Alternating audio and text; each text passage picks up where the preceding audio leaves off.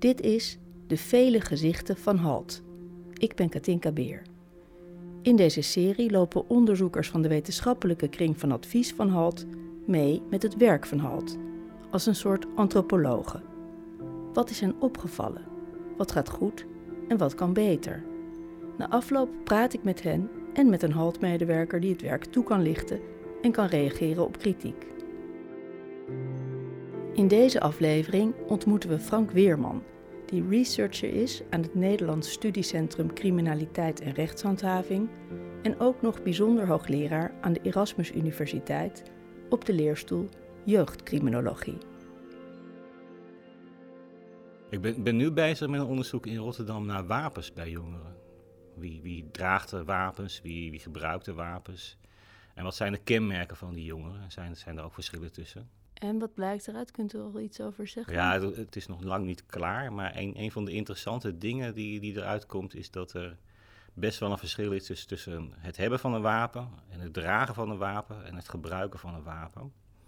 En die laatste groep die is eigenlijk veel zwaarder en, en die heeft veel ernstige problemen en die, die wijkt op veel meer punten af van, van, dan, dan die groep die alleen wapens draagt. Maar over dat onderzoek gaan we het nu niet hebben. We hebben Frank Weerman gevraagd om mee te lopen met Halt en zijn eigen kijk erop te geven. Hij begon zijn observaties tijdens een voorlichting op een basisschool in Gorkum. Ja, best, best wel een gegoede school. Leerlingen die uh, uh, goed meededen. Het was best een witte school. Dus, ja, jongeren van Nederlandse afkomst. En wat voor voorlichting was het? Het was de voorlichting invloed van de groep. Dus hoe je als jongere te weerstelt tegen, tegen groepsdruk. Het was een voorlichting van een uur en de leerlingen deden goed mee. Dit waren hele enthousiaste leerlingen die uh, steeds hun hand opstaken en uh, antwoord wilden geven. En eigenlijk zaten te popelen om wat te kunnen zeggen. Dus dat vond, vond ik erg grappig om, uh, om te zien. De leerlingen hebben eigenlijk geen moment verveeld.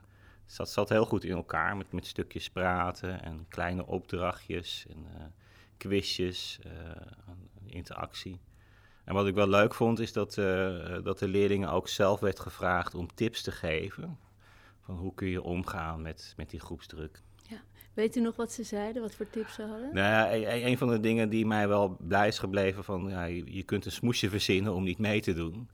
En dat is aan de ene kant wel slim. Aan de andere kant dacht ik bij mezelf van, nou ja, dat is ook een beetje gevaarlijk. Want wat als, als die andere dan weer gaat doorvragen van, ja, maar je kunt toch dit en dit doen en het valt toch wel mee dan raak je ook een beetje verstrikt in, uh, in zo'n discussie.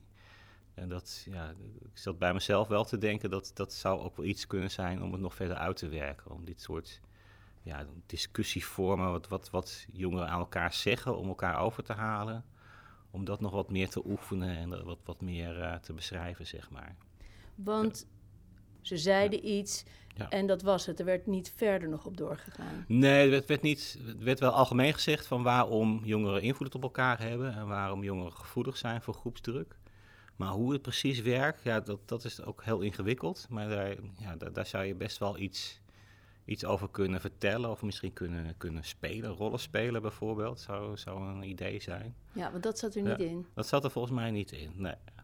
Dianne Bendeler, u bent HALT-medewerker. Niet degene die die voorlichting gaf, maar u geeft wel vaak uh, voorlichtingen.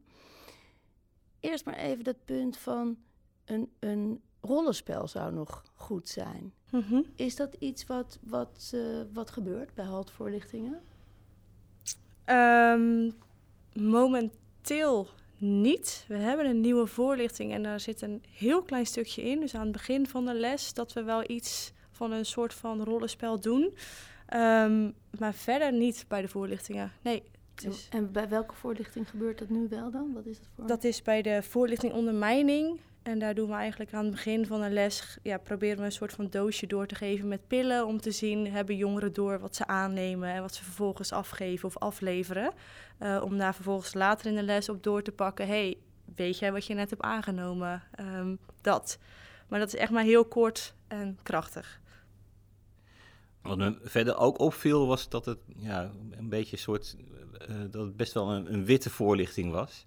In de zin dat er eigenlijk geen, geen gekleurde mensen waren te zien in het filmpje. En, en ik kan me voorstellen, op deze school was dat prima. Dat, dit was ook een hele witte school met uh, jongeren met een Nederlandse afkomst. Maar ik kan me voorstellen als je in een achterstandswijk in, Rotterdam zit, dat het dan wat minder aanslaat. Ehm, ik herken heel erg wat Frank zegt, want ik heb hem al vaker mm. ook gehoord als feedback zijnde vanuit Rotterdam dus. Ehm, dus dat is bekend en dat is voornamelijk met invloed van de groep. Dit filmpje is ook al iets ouder. Um, daar zijn ze, als het goed is, mee bezig ook, want het is wel aangekaart. Dus, maar want het is belangrijk voor leerlingen dat ze zichzelf uh, herkennen. Ja, ja. Wat mij ook opviel, uh, en dat is meer algemeen over de haltvoorlichting, zeg maar, is dat er heel veel nadruk wordt gelegd over de gevolgen van, uh, van, van straf en de gevolgen van politiecontact. Dus dat je, nou ja, je kunt een VOG krijgen en daardoor krijg je minder snel een baan en dan kom je in de problemen. Dus verklaring omtrent gedrag, of dat je die niet krijgt Precies, dat je die niet krijgt. En, en, eigenlijk is het idee van, nou ja, daar worden kinderen en jongeren door afgeschrikt en dan bedenken ze zich nog een keer voordat ze vervelende dingen gaan doen. En uh, uh, begrijpen ze waarom het zo belangrijk is om niet met de politie in aanraking te komen, dat dat er eigenlijk een laatste kans is. Ehm, nou, op, op zich slim, maar ik denk bij mezelf van, ja uh, belangrijkste reden waarom jongeren en, en kinderen de wet niet overtreden, is, is ook gewoon vanuit hun eigen morele gevoel. En dat is denk ik ook belangrijk om, om te benadrukken. Dat je het niet alleen doet om, om te voorkomen dat je straf krijgt of om te voorkomen dat je, dat je een strafblad krijgt, maar ook omdat het gewoon schadelijk is voor andere mensen en, uh, en de regels overtreedt. Dianne, het ging erg over de consequenties van hè, als je iets verkeerd doet, maar niet zozeer over de morele kanten ervan. Je moet het ook niet doen omdat, omdat je mensen kwaad doet. Is dat iets wat, wat vaak wel aan de orde komt in voorlichtingen of niet? Ja, als we hem specifiek op groepsdruk of invloed van de groep nu betrekken, gaat het inderdaad, zoomen we best wel in op um, nou ja, wat zijn de gevolgen ook voor jou, ook aan de hand van het filmpje van die jongens. In de video waar Diane het over heeft, wordt een waar gebeurd incident nagespeeld. Het begint als vier jongens midden in de nacht door een dorp struinen. Um, vervolgens zien we hoe ze dus een huis pakken of een tuin en daar de bloempotten kapot gooien. Dus zonder een, een miniatuurmolentje die ze helemaal kapot maken. Helemaal een stukje. Helemaal kapot geslagen. Een molentje hadden we opgepakt. En uh, dat viel. En ik heb de brokstukken wat bij elkaar gewerkt. En uh, ja, er was niks meer van over eigenlijk. Nou, ik was des duivels. En toen deden we het nog een keer met de plantenbakken bij de zeven provincies. Ja, het is allemaal uh, heel jammer, maar op het moment zelf was natuurlijk wel een beetje leuk. Een adrenaline kick. Dat je, dat je hoopt dat je niet gesnapt wordt. En dan vervolgens wordt er ook ingezoomd op het slachtoffer. Dat is een oudere man en die dus ook vervolgens vertelt nou ja, hoe hij het ochtends allemaal aantrof in zijn tuin. Uh, dat molentje had extra waarde voor hem, omdat het een erfstuk was. Dus ook hoe dat op hem overkwam. En dan wordt er weer gekeken naar die jongens. Hé, hey, wat is er mee gebeurd? En hoe blikken zij er nu op terug?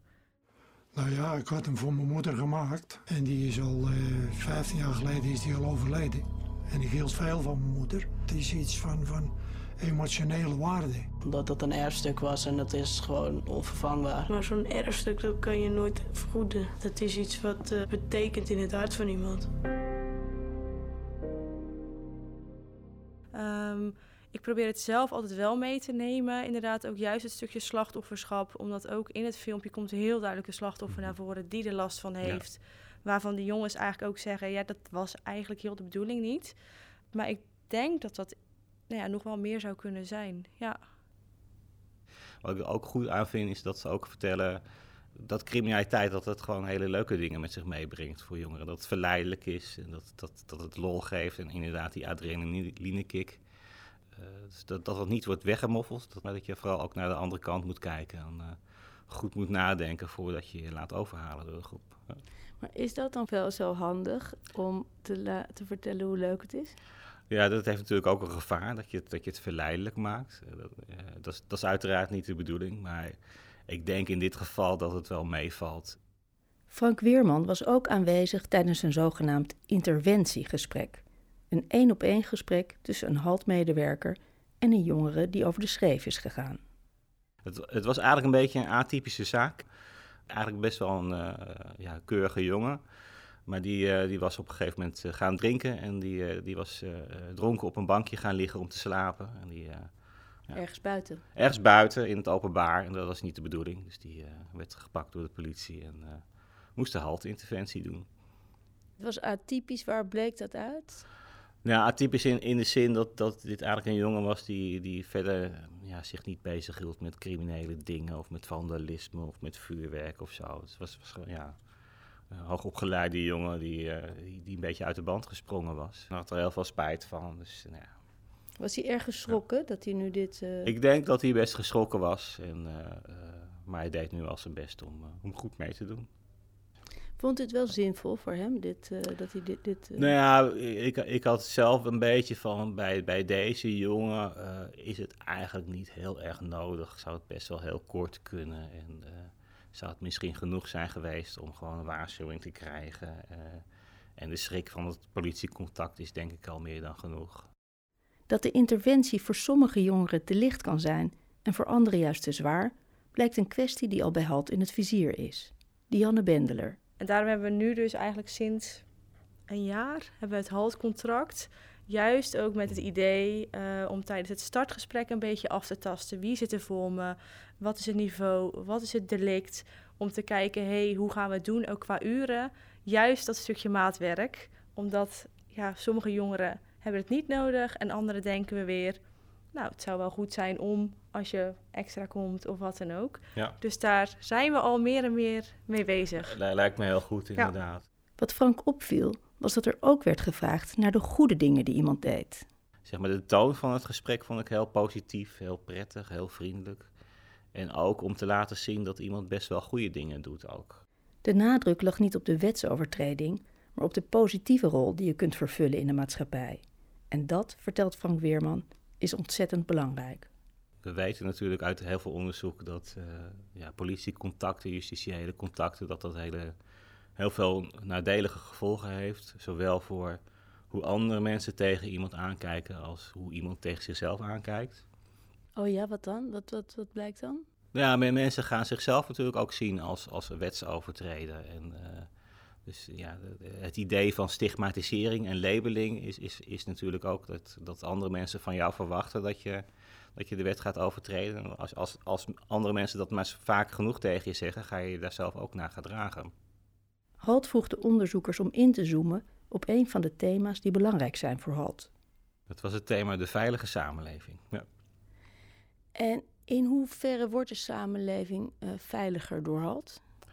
Die individuele HALT-interventie die, die draagt eraan bij in de zin dat je uh, jongeren die uh, in aanraking komen met het justitiesysteem niet verder bestempeld als, als delinquent en niet labelt als delinquent, waardoor ze zichzelf misschien ook minder daarna gaan gedragen. Je zorgt ervoor dat, dat ze geen strafblad krijgen, zodat ze makkelijker integreren. En dat kan ook weer helpen bij, bij het voorkomen van, van delinquent gedrag. En ja, het idee van, van diversion, heet dat in, in, het, in het Engels, wegleiding uit het strafrecht, is een heel goed idee. Als je, als je het vergelijkt met andere strafrechtssystemen, is, is het pure feit dat wij halt hebben. Uh, en, en dat niet alle jongeren automatisch naar het strafrechtssysteem gaan, een hele belangrijke verworvenheid. Wat zou u anders doen als u het voor het zeggen zou hebben bij HALT? Oeh. Moeilijke vraag. Uh, geld speelt geen rol. Alles geld mag, speelt alles geen kan. rol. Nou, ik zou, zou in ieder geval, in de eerste plaats zou ik, zou ik heel veel dingen gaan onderzoeken. Wat, wat werkt en wat werkt niet. Bij wie werkt het uh, wel en bij wie werkt het niet. Um, ik denk dat HALT al best wel goed bezig is. Ik, dat idee van die toegespitste voorlichtingen, dat vind ik wel een goed idee. Dat zou ik nog verder gaan ontwikkelen. En inderdaad, die rollenspellen zou ik misschien gaan... Uh, proberen te ontwikkelen. Uh, andere vormen, misschien video's, online voorlichtingen, wat, wat, wat laagdrempelige dingen waar jongeren snel bij kunnen. Uh, ik, weet dat halt ook, ook jongeren zelf al inschakelt, maar dat zou ook een idee zijn om jongeren gewoon zelf is, is, dit soort voorlichting te laten geven. Zeker, zeker als het gaat om jongeren die al wat verder zijn, die wat ouder zijn en uh, misschien al uh, zelf uh, criminele dingen hebben gedaan of daartegen aan zit. Uh, dat dat zou, zou misschien een optie zijn om, om te doen. Want jongeren luisteren beter of zijn geïnteresseerder in andere jongeren? Nou, in ieder geval een deel van de jongeren die staat meer open voor leeftijdsgenoten, voor, voor lotgenoten, voor, voor bepaalde boodschappen dan voor mensen van buiten.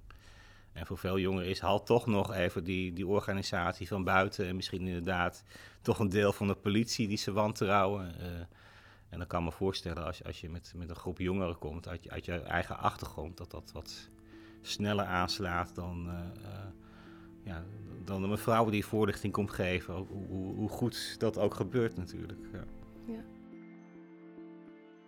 De Vele Gezichten van Halt is een podcast gemaakt in opdracht van Halt.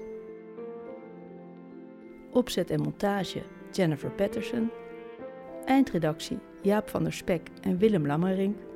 Productie Natasja Koppuit. Muziek Darius Timmer.